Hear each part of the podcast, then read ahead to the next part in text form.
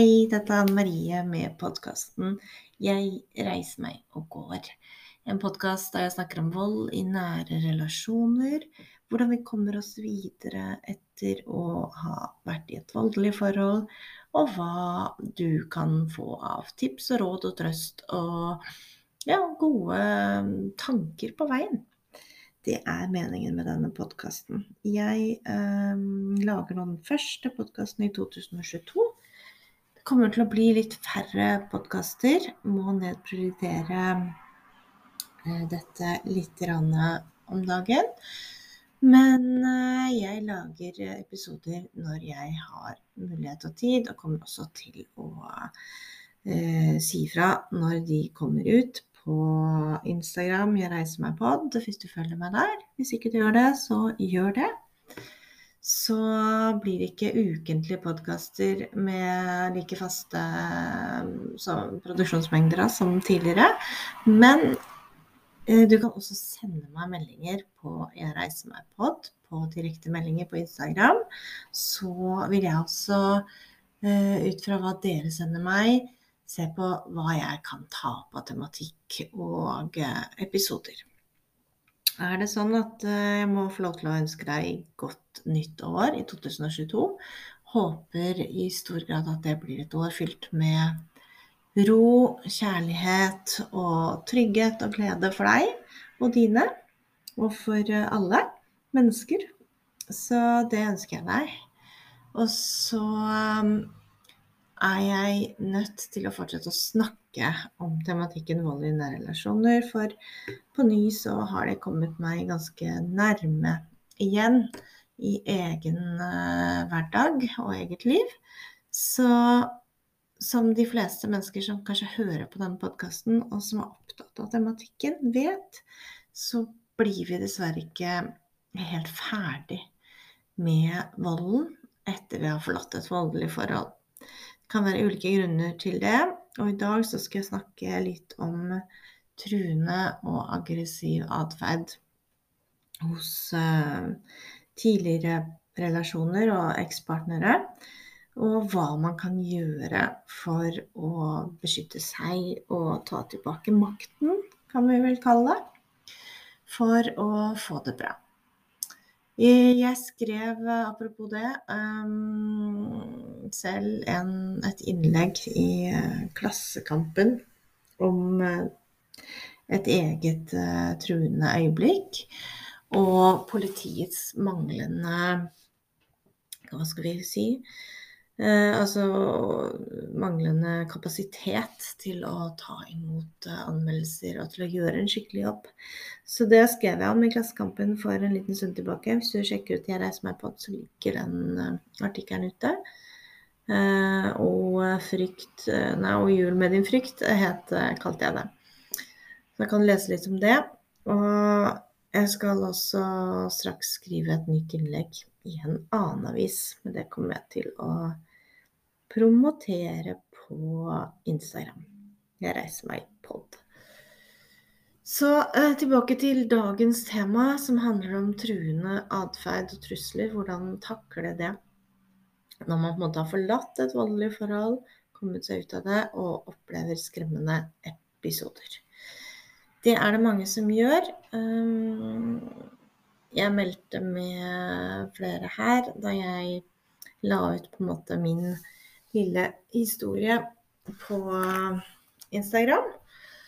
Og mange øh, skjønte på en måte, for jeg delte jo også her at jeg måtte er litt redd og opplever det å se meg over skulderen. Og etter da å ha opplevd et skremmende møte, så, så setter jeg det på en måte dessverre litt tilbake igjen. Og det er både provoserende og en del av hverdagen. Og sånn det er, på en måte.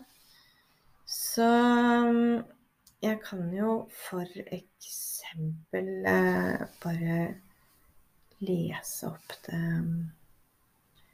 det innlegget som jeg, som jeg skrev, da. Så bare tar vi det med en gang. Ja. Uh, og jul med din frykt. Det står at det skal være åpent på døra, men det tomme, mørke lokalet vitner om noe annet.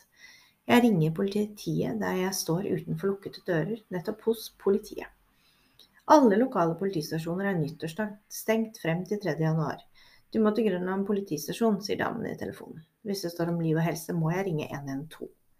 Jeg drar til Grønland, Oslos eneste åpne politistasjon. Det er nyttårsaften, årets siste dag. Klokka er litt over ti. Kanskje det travleste døgnet for politiet. Så derfor er alle lokale politistasjoner stengt. Jeg blir tatt godt imot, kommer inn med en gang til vakta når jeg sier det gjelder anmeldelse av vold og trusler.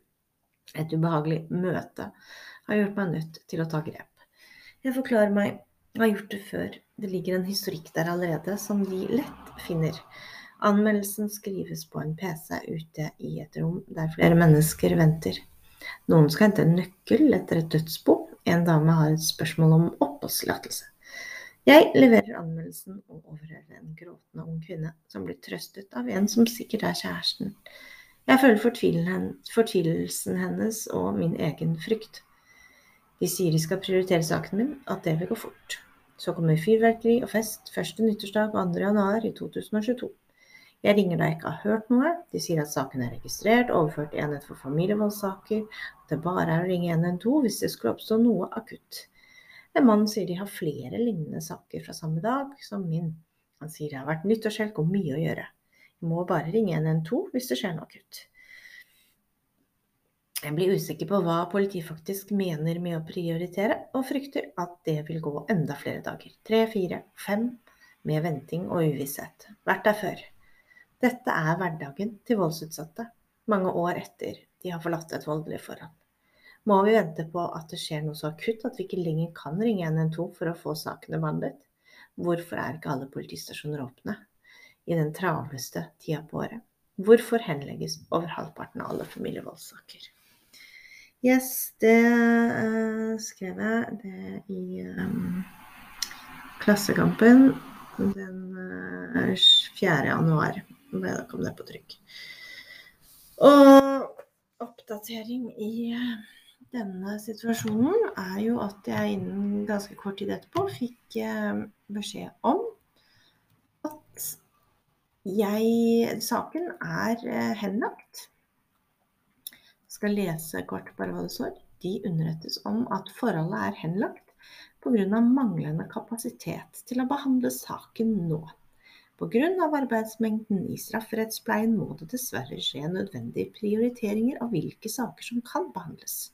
Etter retningslinjene for slik prioritering blir denne saken ikke tatt under behandling. Så der er altså ståa for, eh, for akkurat denne saken her, som handlet om et eh, veldig svært truende og ubehagelig møte på, uh, i byen der vi bor, i Oslo. Og det er jo veldig betenkelig, synes jeg, at man henlegger saker. Har jo opplevd å få henlagt sak eh, før etter bevisestilling, hvor ikke det var noen særlig etterforskning. Nå har jeg da opplevd det igjen, men da pga. manglende kapasitet til å behandle saken. Det er jo slik at politiet er eh, overarbeida. Eh, de har knapt tid til å snu seg rundt og se seg om. Så um, jeg er jo ikke den eneste som blir nedprioritert, det vet jeg så absolutt. Men det som, som jeg sliter med måte, å få til å henge sammen, er at uh, slike saker som handler om tidligere voldssaker og anmeldte forhold, skal jo i prinsippet være prioritet hos politiet. Dette er jo um, et stort problem. Eh, fordi det er veldig mange mennesker der ute som lever med eh, lignende situasjoner. At du møter på en eh, truende eksmann eller dame, men som regel menn, da. opplever stalking, opplever at personen sniker seg rundt utenfor huset der du bor. dukker opp plutselig på, i nærheten av deg på jobb, eller overvåker barn, eller kommer de rett på da, og gjør diverse ting. Som jo absolutt er ulovlig og ubehagelig. Nå er det sånn at uh, selv om saken ble henlagt, så har vi da fått innvilget eller utstedt et uh, besøksforbud. Men det er jo en form for sikkerhet. Den er kanskje ikke ideell, men det er noe, og det er eh, bra. Så det jeg skulle snakke om nå, var hva gjør du egentlig i en sånn situasjon? Eh, nå er det jo mange som har, har, eh, har må forholde seg til voldsutøver over lang tid fordi de har barn med voldsutøver, og selv om de har forlatt voldelig forholdet, så opphører dessverre ikke volden i så måte, fordi man må samarbeide om barna. Det hadde jeg jo en episode om for eh, rett før, uh, før, jul.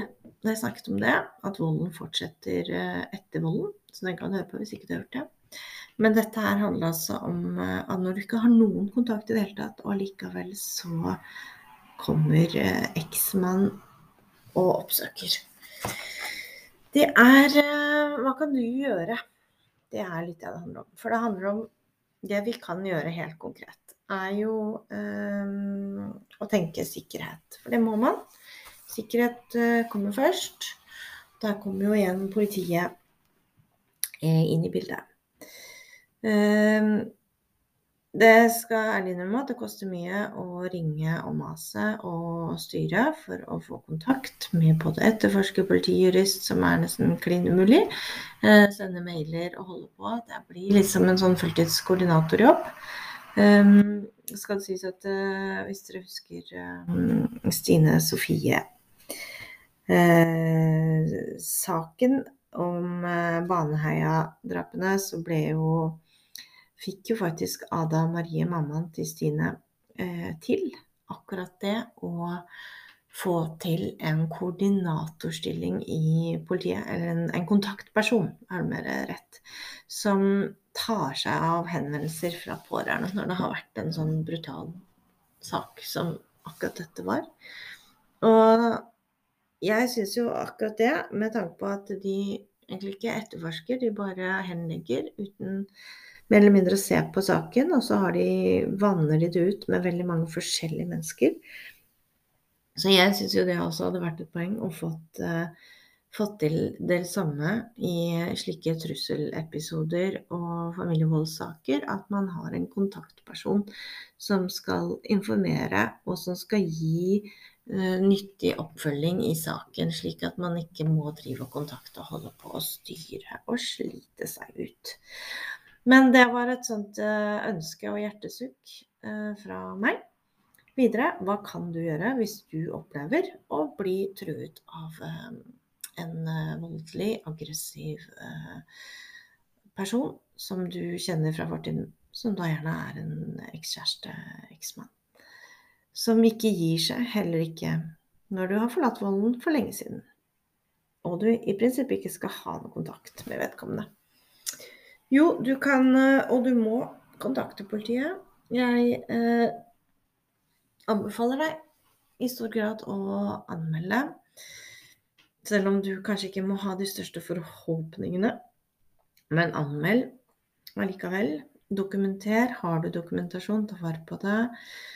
Eh, ring og mas. Og be om besøksforbud. Besøksforbud og voldsalarm og omvendt voldsalarm er på en måte de eneste sikkerhetstiltakene som politiet skal og kan bistå med.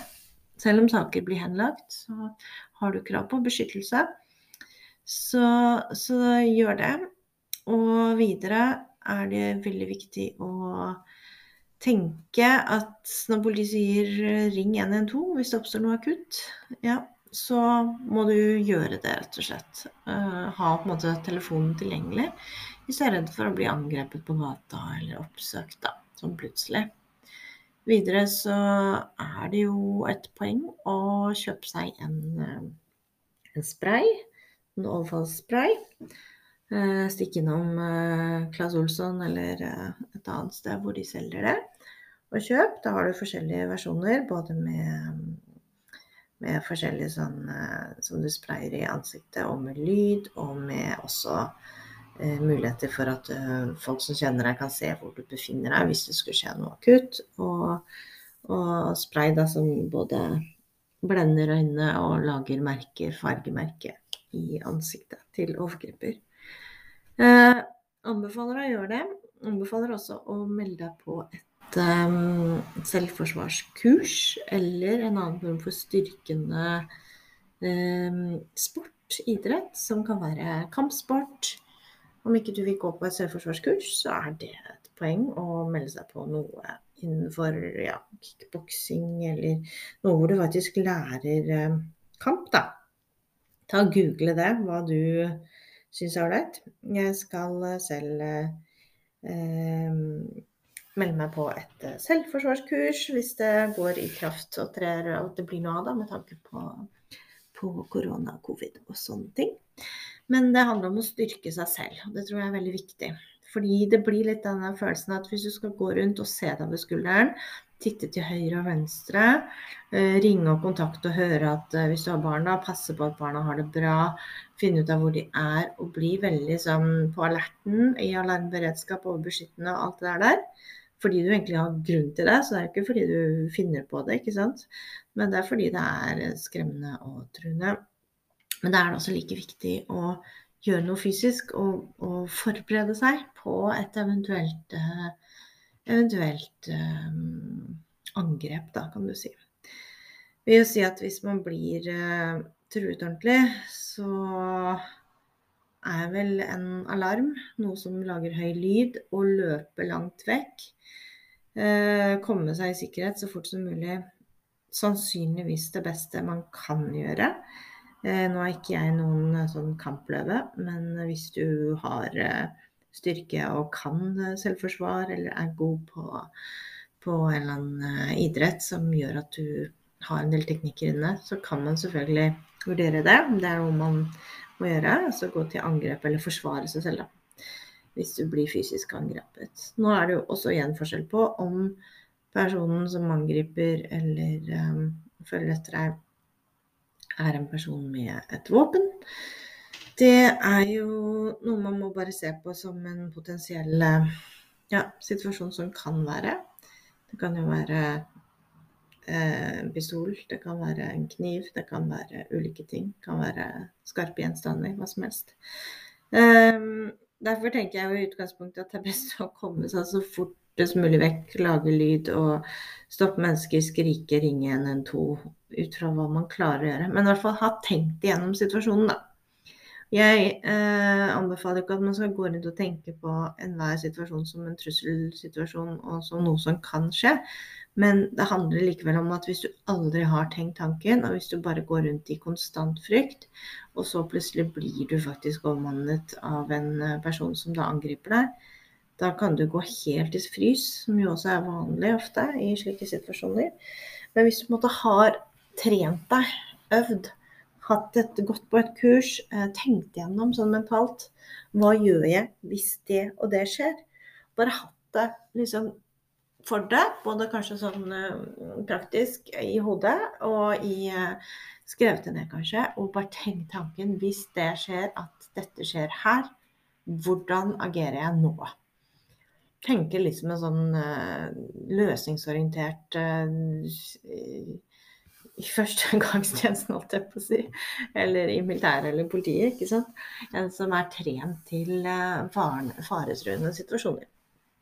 Jeg er jo ikke en person som er noe særlig glad i, i det, eh, sånn utgangspunktet, men jeg innser jo veldig eh, nytten av det for å beskytte seg selv og eventuelt barn og andre i en truende situasjon. Da er det fint å ha tenkt gjennom. Så det, det, er ikke å undervurdere i det hele tatt å kjøre på og få mest mulig input om hva man kan gjøre selv. Og så er det jo noe med at hvis du lærer deg noen knep og triks selv, i form av selvforsvar, så er jo det Det gir deg en styrke, ikke sant. Akkurat som at hvis du trener, hvis du løper, hvis du gjør noe fysisk, så gir det deg også en styrke.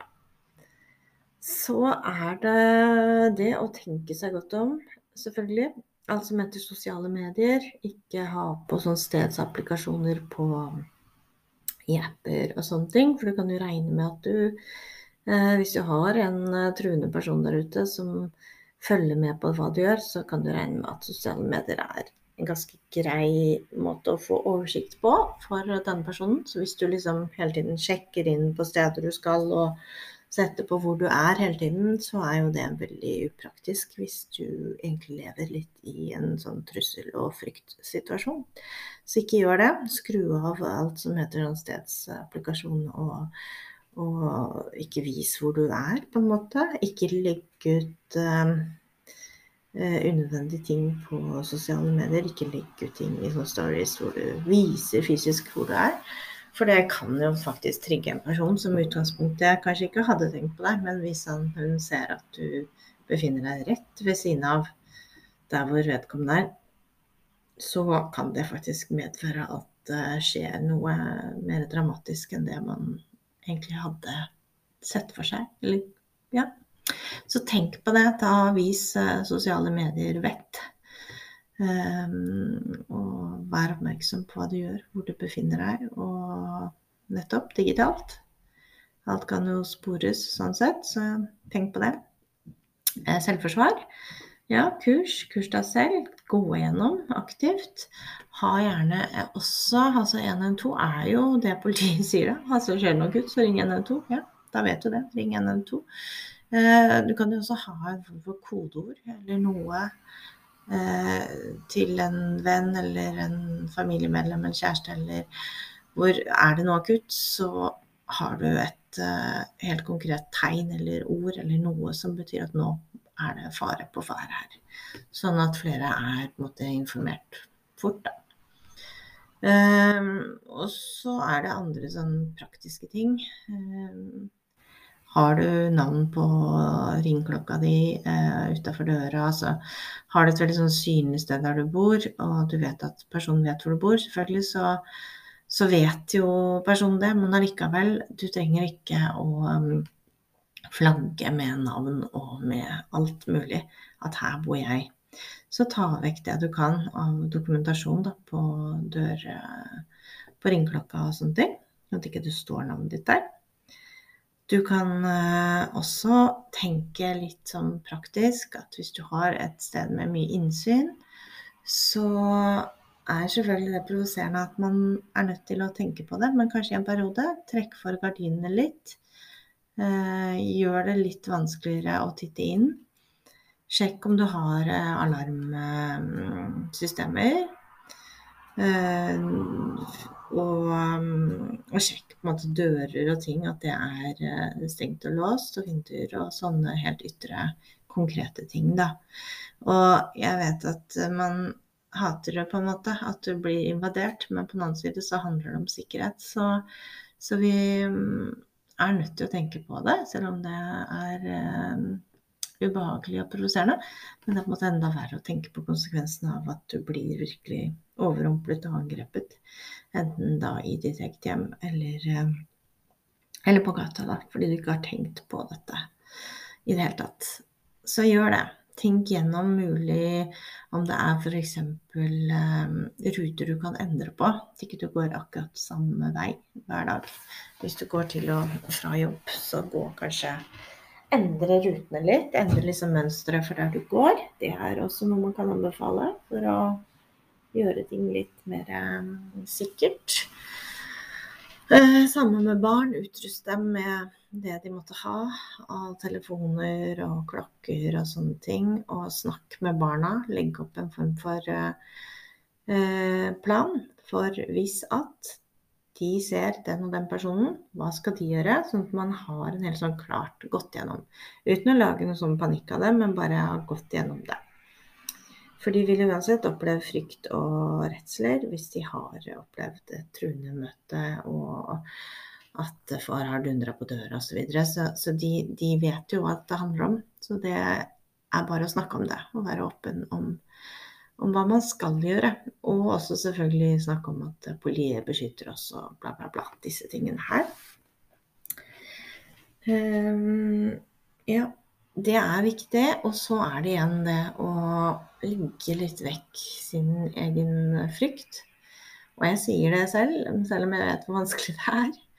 For det er faktisk eh, vanskelig. For når du på en måte er trigga, når du er i redsel, selv om du har bearbeida i mange år og er ferdig, på en måte, lagt mye bak deg, og så kommer det tilbake, eh, så er det vanskelig å ikke gjøre ting som å høre på huslyder, titte ut døra, sjekke ut av vinduet, se seg til høyre og venstre når du går ut, uh, skvette når du hører um, stemmer som ligner, eller noen som fysisk ligner på gata. Uh, noen tegn, ikke sant. Det kan være veldig mye som trigger, trigger dette her blir litt sånn retraumatisering, kanskje. Og man må vurdere selv hvor, hvor redd man måtte er, før man også oppsøker eh, hjelp. Snakk kanskje med fastlegen din, eller ta og hør om det bør noe henvisning til, deg, til noen psykolog eventuelt. For å bearbeide litt. Men samtidig så er det jo veldig viktig å huske på det at um, frykt og, og, redsel og det å måtte være obs og observant er jo viktige forsvarsmekanismer overlevelsesstrategier. Så man skal jo ikke si at man ikke skal høre på det. Hvis kroppen er redd og reagerer, så er det fordi man har blitt utsatt for noe som er truende. Og da er det naturlig at du reagerer. Men eh, man må også vurdere hvor lenge du skal la det gå reaksjoner før du måte søker hjelp. Hvis du ikke får sove, hvis du skvetter hele tiden, hvis du er kjempe, kjemperedd og føler veldig på sånn indre uro og angst, og som sagt eh, ikke klarer å koble av så må du vurdere om du trenger noe mer hjelp. Men ellers er det å anbefale selvfølgelig igjen oppholde seg med trygge, gode mennesker, mennesker som vil deg vel. Um, se på noe morsomt, altså opplev noe som gir deg latter. Koble av, gjør en eller annen aktivitet som du liker, og som du blir glad av. Uh, for meg så kan det liksom være karaoke, det kan um, er å ta bilder, det kan være å skrive, det kan være å se en dokumentar eller se en morsom eh, ting på, på nettet og le av. ikke sant? Det kan være snakke med en venn og bare fjolle. Det, det kan være så mye, men uh, koble av, det er litt av poenget. Det kan være en fysisk aktivitet. Det kan være å jogge, det kan være å gjøre noe fysisk. Bare gå en tur. Det kan også være med på å liksom, få vekk litt stress, angst og uro. Eh, og ja, så tenk på det. At du må prøve å koble av hodet litt hvis det er sånn at du er eh, veldig redd. Nå ser det ut som eh, at batteriet her snart er tomt. Jeg trodde jeg var kobla på strøm. Det var jeg ikke. Så da passer det vel nesten bra å takke for i dag. Et lite øyeblikk bare.